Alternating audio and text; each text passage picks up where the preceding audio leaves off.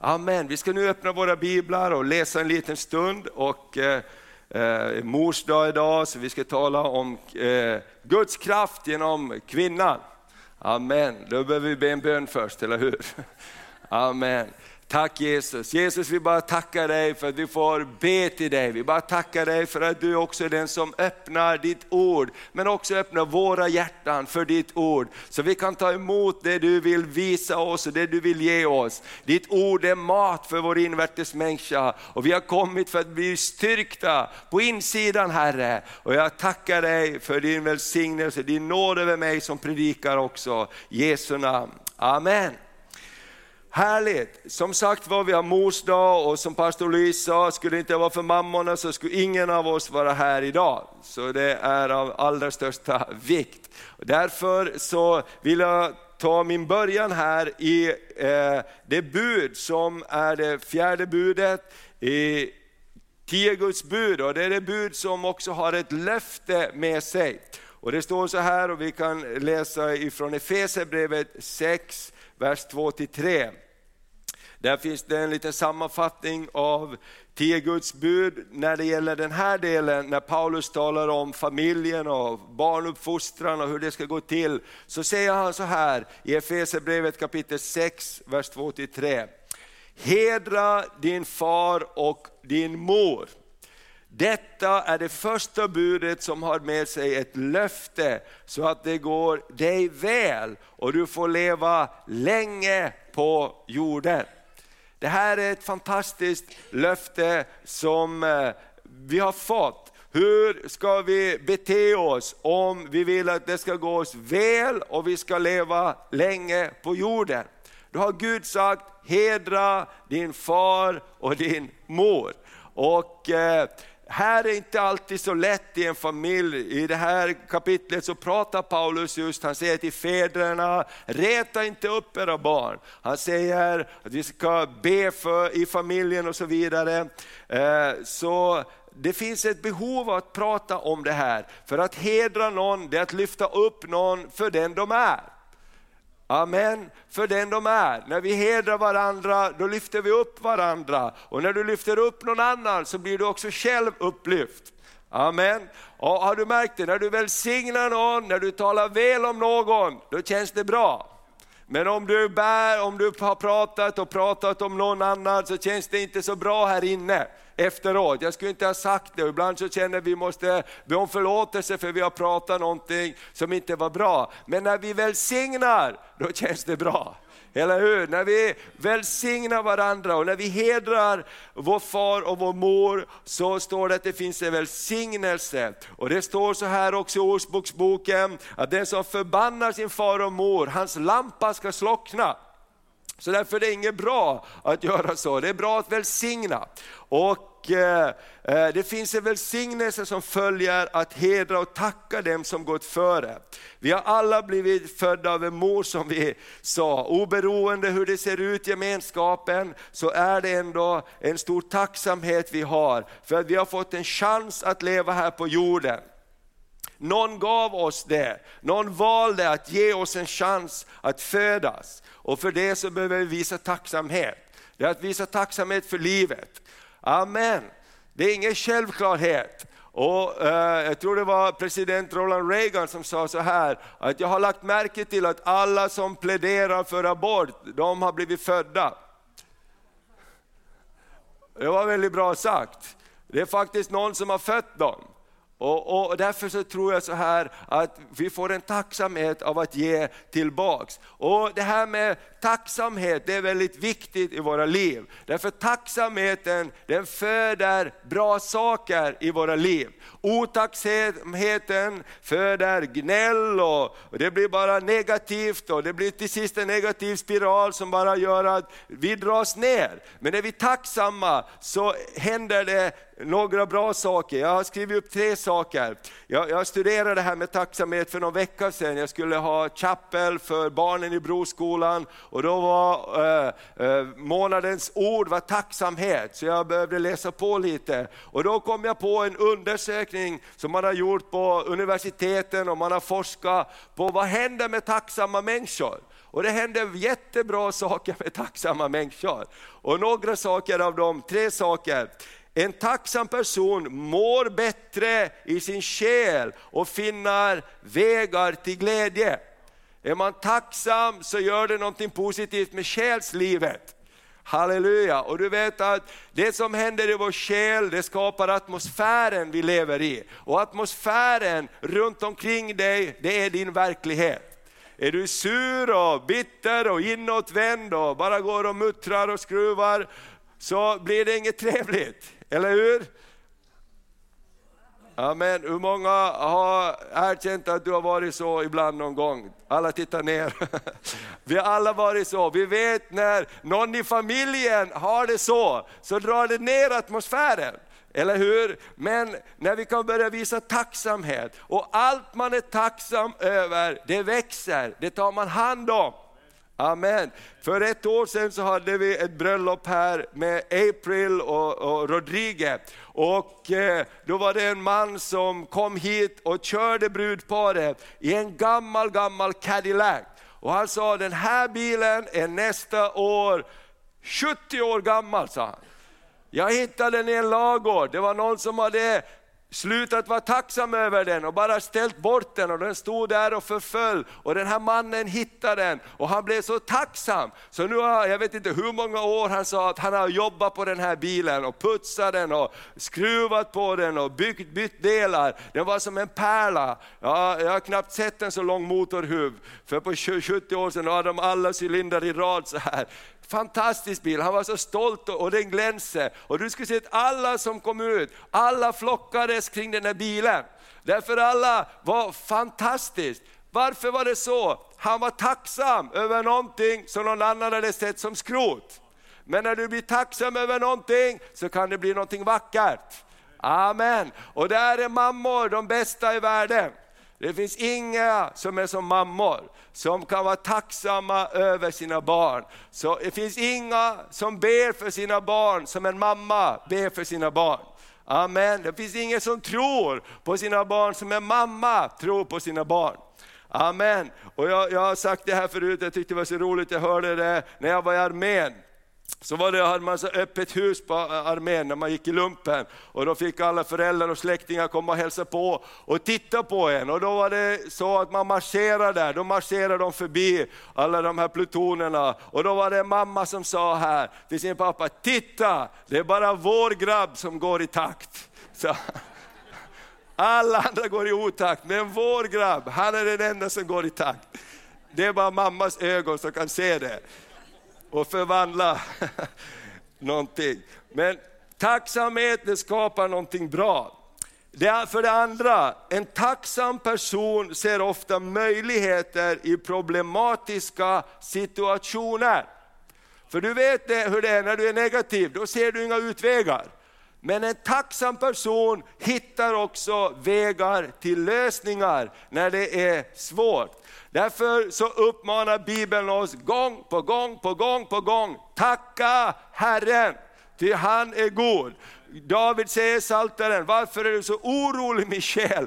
Tacka Herren, han ska hjälpa dig. Halleluja, någonting händer med vårt sinne när vi börjar tacka Gud. Någonting händer när vi börjar vända våra hjärtan och tacka och tacka och tacka.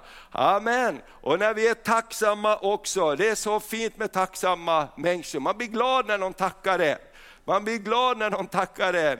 Jag, jag, jag, i, I veckan här, så i fredags, så, så publicerades en artikel som vi har skrivit utifrån Predikantförbundet, som jag fick uppdraget att skriva för eh, eh det här med, med eh, att judarna har rätt till Jerusalem. Och det är fantastiskt att se, det var nu bara i morse såg jag 142 delningar ifrån ÖA. Så gå gärna in och dela den artikeln, så står vi. Och det är många som har varit tacksamma, någon ringde bara och ville tacka. Det känns väldigt gott. Och därför är det bra att vi är tacksamma, för när vi är tacksamma då öppnas nya möjligheter. Amen. Prisat vare Herrens namn. Och därför är det bra att prata med varandra. Ibland när man fastnar i olika problem, så är det bra att prata med någon positiv människa. Eller hur? Någon tacksam människa, för då kan det öppnas. Ja men så kan vi göra. Det är många gånger det har hänt. Och du vet att eh, Talar vi med de som är bara negativa, ja då blir det ju bara ännu mörkare. Men det kom, finns tacksamhet förlöser någonting. Och, och, jag brukar tänka på den här när, när Petrus gick eh, på vattnet. Han var den enda som lyssnade på Jesus. Han sa så här, eh, Mästare är det du, så säg att kom, så ska jag komma. Och jag tänker, varför sa inte de andra det? De var så upptagna kanske av stormen. Men Petrus han ville gå på vattnet. Och jag tänker så här, nyfikenhet, tacksamhet, det gör någonting med oss. Det tredje saken, en tacksam person sprider positiv atmosfär runt omkring sig. Vill du ha vänner, försök vara tacksam. Det är inget kul att vara vän med en negativ människa. Eller hur? Det är inget trevligt, men kan vi vara positiva? Kan vi se tacksamhet? Kan vi, kan vi försöka finna vägar till tacksamhet, så finner vi också vägar till glädje. Och min vän, hela Bibeln är full av uppmaningar att vi ska vara tacksamma. Det står så här till och med, att tacka Gud i livets alla omständigheter. Amen. Oh, vilket ord! Och, och du vet Jakob han sa, tacka Gud i prövningen. För det verkar uthållighet.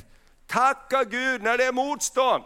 Och Jesus han var ju ännu värre. Han sa så här, be för era fiender. Välsigna de som förföljer er. Halleluja! Därför han visste av kraften av tacksamheten. När vi börjar be och välsigna de som kanske ställer till med problem runt omkring oss, så händer det någonting i våra hjärtan. Och, och, jag var en gång i, i Israel och vi fick eh, lyssna till messiansk pastor. Och det var också så att det är många som kommer till tro i Israel, men det är också väldigt många, precis som på Bibelns tid, som förföljer de som är Messias troende. Och den här pastorn och hans familj bodde på, på ett område där det var många ortodoxa och de blev väldigt förföljda av de här. Barnen blev förföljda när de gick i skolan därför att de var Messias troende och så vidare vidare. Så han sa, vi måste bara börja be. Och Herren la i våra hjärtan att börja be för dem som förföljde oss. Och nu efteråt sa han, så tackar jag Gud därför att Guds kärlek har kommit in i mitt hjärta till alla dessa som har ställt till så mycket problem för mig. Och det kunde jag inte i min egen kraft, för jag var så arg på dem så jag sa till familjen, nu flyttar vi, nu drar vi. Du vet, vi är också människor av kött och blod. Därför så behöver tacksamhet få fylla oss. Gud, du har en väg. Och tänk på, på det här med, med David. Jag brukar tänka på det när David flydde från Absalom. Och så, så, så står det att någon som satt vid vägen och, och förbannade honom och slängde saker på honom. För David han sa, jag tänker inte fightas mot min son, Gud får ta hand om det. Och någon av hans tjänare sa så här, hör vad han säger, ska vi slå ihjäl han? Och David säger, Gör, rör inte honom, låt han vara. Gud kanske vill säga någonting till mig genom honom. Alltså attityden, Gud kan verka i allting. Amen. För den som älskar Gud samverkar allt till det bästa. Och kan vi ha våra ögon till honom, kan vi ha tacksamheten till honom. Och den här världen är expert på att göra oss otacksamma. Men du vet, tacksamhet kommer in, förlåtelse kommer med tacksamhet. Jag har pratat med Jim, han ska vittna någon gång om, om förlåtelsens kraft i hans liv. Han blev av med så mycket av nära och kära, Gud gav honom kraft att förlåta och en tacksamhet har kommit in i Jims liv. Du kan prata med honom efteråt, ett helt mirakel har hänt hos honom. Och jag tänker så här, någonting händer när vi är tacksamma. När du är tacksam över din mamma, så blir det bra. Halleluja. Amen. Du vet att eh, man kan också säga, mammor är alltid mammor. Man fyller 50 år, det spelar ingen roll, när min mamma kommer hit så har hon åsikter om mina kläder. Vilken skjorta man har på sig eller kavaj eller någonting, de, de förändras aldrig. och så vidare och så vidare. Jag hörde om en som, som han, han bara fick det i sitt hjärta, han hade så jobbigt, som sa men jag ska bara välsigna henne och jag ska bara försöka vända det här. Så han ringde till sin mamma varje vecka och hon hade en massa åsikter om allting och han började bli skallig. Och så sa, han att, så sa hon, jo men det är för att du använder fel shampoo, du måste använda annat shampoo. Och så sa han, ja men mamma skicka det där shampoo till mig som jag ska ha då och, och så vidare. Så hon hade ju inget shampoo givetvis som funkar för hans hår, men hon hade en åsikt om sin grabb och så vidare. Och ibland är det så här, Gud kan hjälpa oss vara tacksamma för våra föräldrar. Amen. Och för det finns ingen som ber för dig som din mamma ber för dig. Amen. Så tacksamhet är någonting väldigt fint. Det finns något speciellt hos varje mamma, en uthållig kärlek till sina barn. Ingen är, inget är som mors böner för sina barn.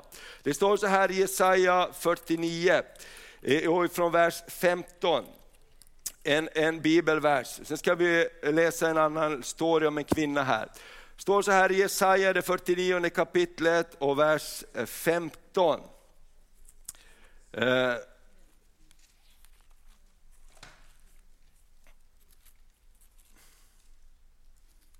Då står det så här, eh, kan då en mor glömma, gömma, glömma sitt barn så att hon inte förbarmar sig över sin livsfrukt? Och även om hon kunde glömma sitt barn så ska jag inte glömma dig, säger Herren. Men den här versen säger någonting väldigt viktigt. Kan då en mor glömma sitt barn? Så att hon inte förbarmar sig över sin livsfrukt. Jag kan säga så här, eh, du hade här en hel bunt med böne, böneämnen. Eh, så här många böneämnen har bara kommit in de sista veckorna. Vi har haft förbönsprogram också under eh, veckan med kanal 10 plus en hel bunt till faktiskt. Och det som slår mig ofta när jag svarar i telefonen ibland och tar emot böneämnen, det är ofta mammor som ringer. Det är ofta kvinnor som ringer, som ber för sina nära och kära, som ber för sin man, för sina barn, för sina barnbarn. Det finns någonting där som Bibeln säger, kan då en mor glömma sitt barn så att hon inte förbarmar sig över sin livsfrukt. Och det är den här kärleken, hoppas allting. Kärleken slutar inte att hoppas och, och, tror allting också. Därför finns det en speciell kraft hos en kvinna också som Gud har lagt ner där. Och jag tänkte att vi ska se på ett exempel från Bibeln på en kvinna. Och vi ska läsa om kvinnan från Sunem.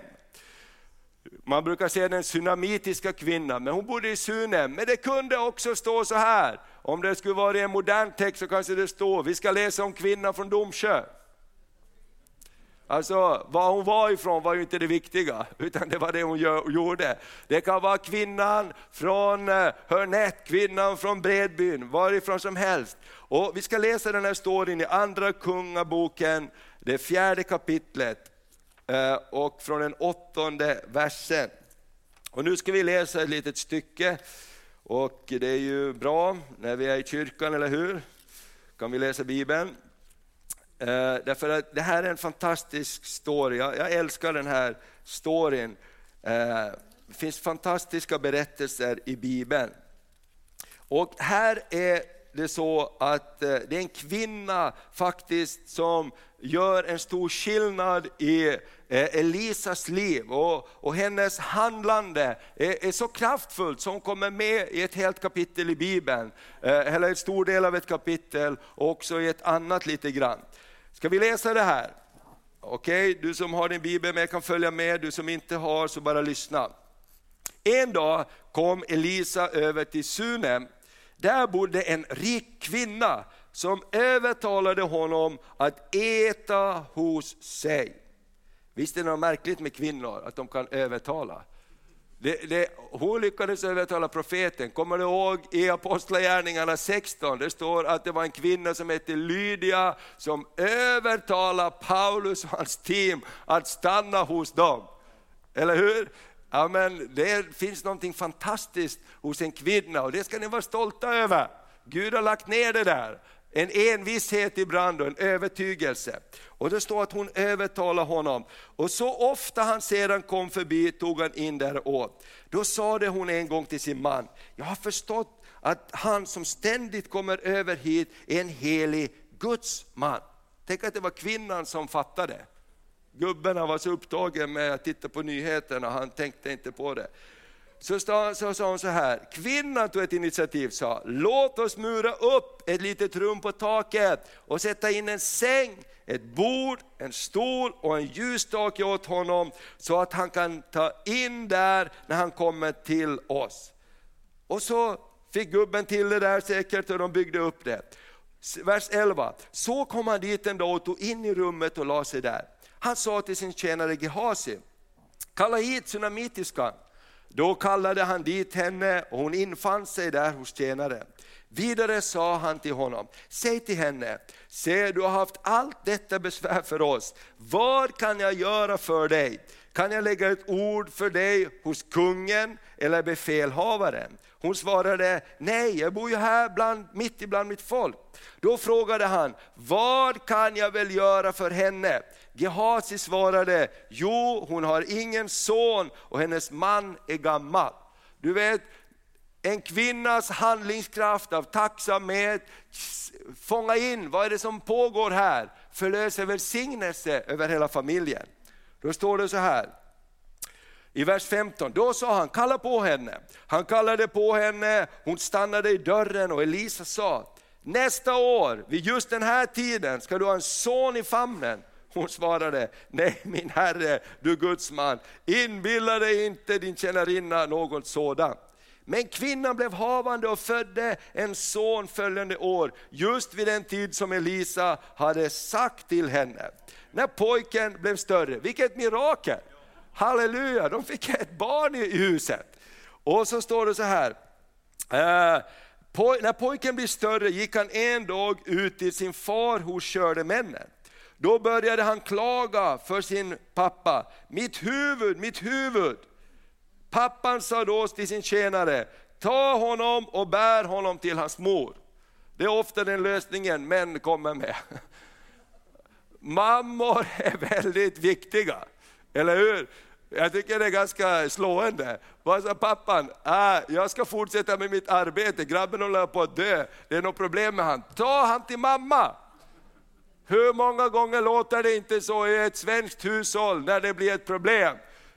Vi måste ta det här med mamma. Så prisat vara här för mammor. Är det någon som känner igen sig i den här berättelsen? Ta honom till mamma. Okej. Okay. Eh, ingen vågar säga någonting. Han tog honom och förde honom till hans mor. Han satt i hennes knä tills middagstiden, då dog han. Men hon gick upp, lyssna på det här vad den här kvinnan gör. Hon gick upp och lade honom på gudsmannens säng, stängde igen om honom och gick ut. Därefter kallade hon på sin man och sa, sänd till mig en av tjänarna med en åsna jag skyndar mig iväg till gudsmannen och kommer strax tillbaka. Han sa det, varför ger du dig av till honom idag? Det är ju varken nymånad eller sabbat. Hon svarade, oroa dig inte. Amen. En mamma bär mycket i sitt hjärta.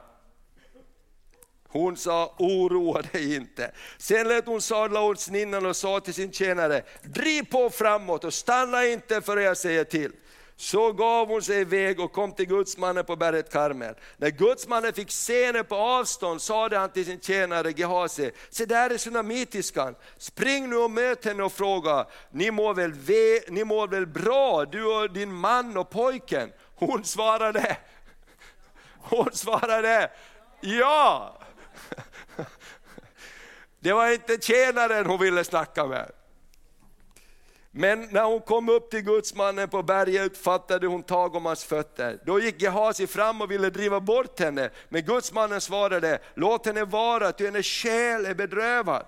Men Herren har dolt detta för mig och inte låtit mig få veta det. Och hon sade, inte bad jag väl min Herre om en son? Sa jag inte att du inte skulle inbilla dig något? Då sa han till Gehazi, spänn bältet om livet och ta min stav i handen och ge dig av. Om du möter någon så hälsa inte på honom. Om någon hälsar på dig, svara inte. Lägg sedan min stav på pojkens ansikte. Men pojkens mamma sa, så sant Herren lever, så sant du själv lever, jag släpper dig inte.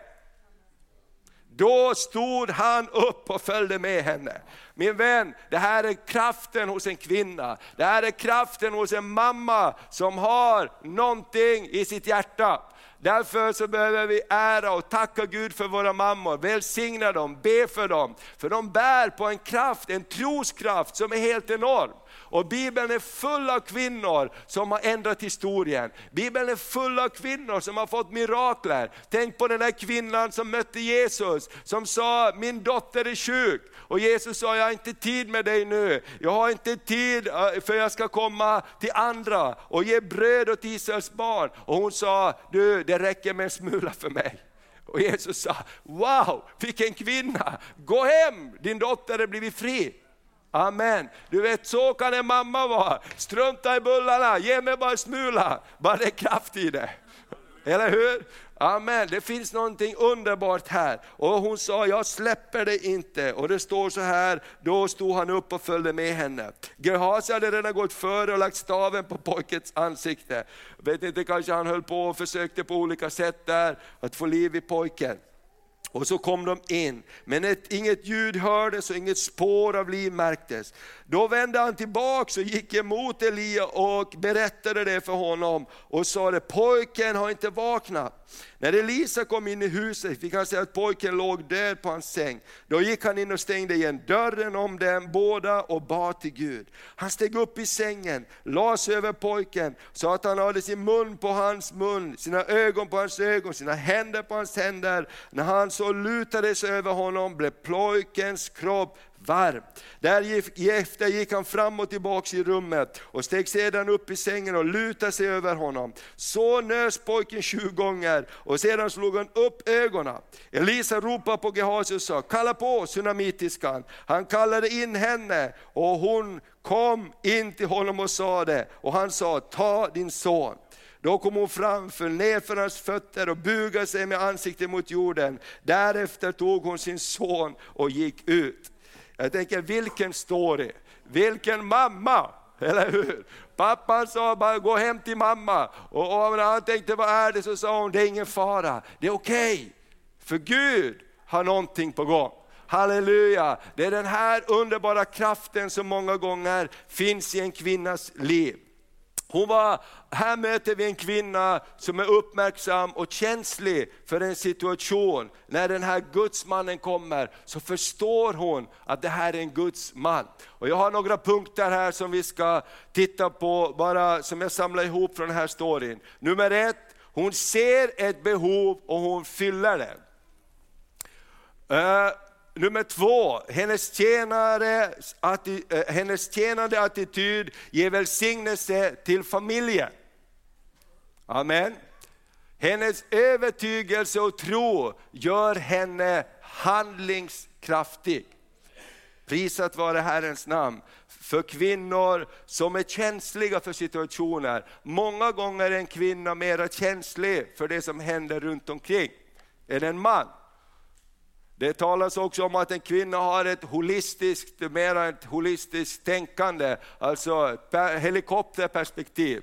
Det är därför ett barn i ett hem sällan frågar pappa, var är strumporna? Eller var la jag det här? Man går ofta till mamma och frågar, var är det där och det där? Därför hon har koll på hela huset, hon har en sån här 3D-bild i skallen. Hon bara zzz, igenom, där såg jag dem sist eller så. Eh, och, och, och, man har en känslighet och det ska ni kvinnor vara stolta över. Och, och känna och utveckla, men jag känner så här. Och, och tro på det, be för det, dela det ni har. Eh, hon såg behovet hos gudsmannen och fyllde det. Hennes tjänande attityd kommer välsignelse till familjen. Hennes övertygelse och tro gör henne handlingskraftig. Hon går iväg. Nummer fyra och nummer fem. Hon släppte inte taget innan hon hade fått det hon ville ha. Hon fick sin son tillbaka. Amen. hon släppte inte taget. Hon sa till sin man, det är bara okej. Okay. Hon sa till tjänaren när han frågade, är det väl? Ja, det är bra, för jag har någonting annat i sinne. Amen, jag har någonting annat i sinne. Hon hade eh, make up her mind. Hon hade tänkt, ja, ja, ja, jag vill ha någonting mera här. Och det femte, hennes attityd i tro och handling, handling öppnade dörren för fortsatt välsignelse över familjen. Och jag vill bara eh, avsluta med att läsa eh, den storyn. Jag tycker den här, den här storyn är så underbar. Därför att, för att hon murade upp ett litet rum på taket, så fortsatte välsignelsen att komma över familjen. Eh, Därför det står så här i kapitel 8, att det kom hungersnöd över landet. Och då står det så här, vi kan läsa de här verserna också. I kapitel 8, vers 1. Elisa sa till dem, till den, vars kvinna, eh, till den kvinna vars son han hade uppväckt till livet. Stå upp, dra bort med ditt husfolk och bo kvar där, för Herren har kallat på hungersnöd och den ska komma över landet i sju år. Då steg kvinnan upp och gjorde som gudsmannen sade. Hon drog bort med sitt husfolk och bodde i Filistenas land i sju år. Men när de sju åren hade gått så kom kvinnan tillbaks från Filistenas land. Hon gick för att vädja till kungen om att få tillbaka sitt hus och sin mark. Tänk, nu, är det en spännande berättelse här. Kungen höll just på att tala med Gehasi, gudsmannens tjänare, och sa, berätta för mig om alla de stora ting som Elisa hade gjort. Timing. Just som han höll på att berätta för kungen hur Elisa hade uppväckt en död, kom den kvinna vars son han hade uppväckt till livet för att vädja till kungen om att få tillbaka sitt hus och sin mark. Då sa Gehazi, min herre kung, här är kvinnan och här är hennes son som Elisa uppväckte. Då frågade kungen ut kvinnan och hon berättade allt för honom. Sedan lät kungen en hovman gå med henne och kungen sa, skaffa tillbaka allt som tillhör henne och dessutom all avkastning av marken från den dag hon lämnade landet ända tills nu. Wow! Allt började med att kvinnan hade sina känselspröt ute och tänkte, gubben nu är det bäst att vi bygger ett rum här på taket, jag tror att det blir bra. Och tack gode Gud för lyhörda män som säger, säger du det så gör vi så. Amen. Halleluja, det är teamwork. Och välsignelsen fortsatte i familjen. Och kvinnans roll är så viktig där. Och tack gode Gud för alla mammor. Idag firar vi alla mödrar och tackar dem för den kraft, kärlek och uthållighet de visar. En mor ger aldrig upp. Så vi bara säger tack till alla mammor, och alla kvinnor och alla blivande mammor. Det finns något underbart som Gud har lagt ner i er. Det finns något underbart starkt som Gud har lagt ner i er. Och jag vet inte hur många sådana här storyn det finns i Bibeln. Kommer ni ihåg när David kom och han frågade en man om att få lite bröd och lite mat för sina soldater när de var eh, på, på flykt. Och mannen sa, du får ingenting, stick härifrån. Men vad sa frun? Frun snappade upp, det där är inte rätt. Så när gubben hade Eh, gått iväg eller vad han hade gjort, och man festade, och, och, så, så gick hon och sa till David, du ska få allt vad du behöver, för jag vet att Gud är med dig. Och för hennes skull så blev familjen och släkten räddad. Amen. Så tack gode Gud för mammor, tack gode Gud för kvinnor. Amen, som hör rösten ifrån himlen. Så vi vill bara uppmuntra alla mammor och alla kvinnor idag. Var den kvinna som Gud har skapat dig att vara. Utveckla de gåvor och kom ihåg att vara tacksam. Och ni alla som har kvinnor runt omkring er, tacka Gud för dem. Amen. Tacka Gud för dem. Du vet, allting man tackar Gud för, det blir dyrbart. Amen. Kalla inte din kvinna för en kärring, för det är då du kan få en. Kalla henne en drottning. Så det är sånt du kan få. Amen. Ska vi säga amen här idag i kyrkan? Amen. Du vet, det, det, det är kraft i våra ord. Så vill vi ha bra saker, och ni alla som är pappor och vi alla som är pappor, uppmuntra era döttrar. Det är också så, en kvinna är ett känsligt kärl, ett känsligt instrument. Jag läste en undersökning om de här som gör makeup. De hade stora kedjor som gör makeup som säljs över hela världen. De hade gjort med tusentals kvinnor en undersökning och frågat, hur många av er är nöjd med hur du ser ut? Vet du hur många procent svarar, jag är nöjd med hur jag ser ut? Tio säger han. Hon säger tre. Fyra säger hon, det var två procent. Inte undra på att det säljs så mycket smink.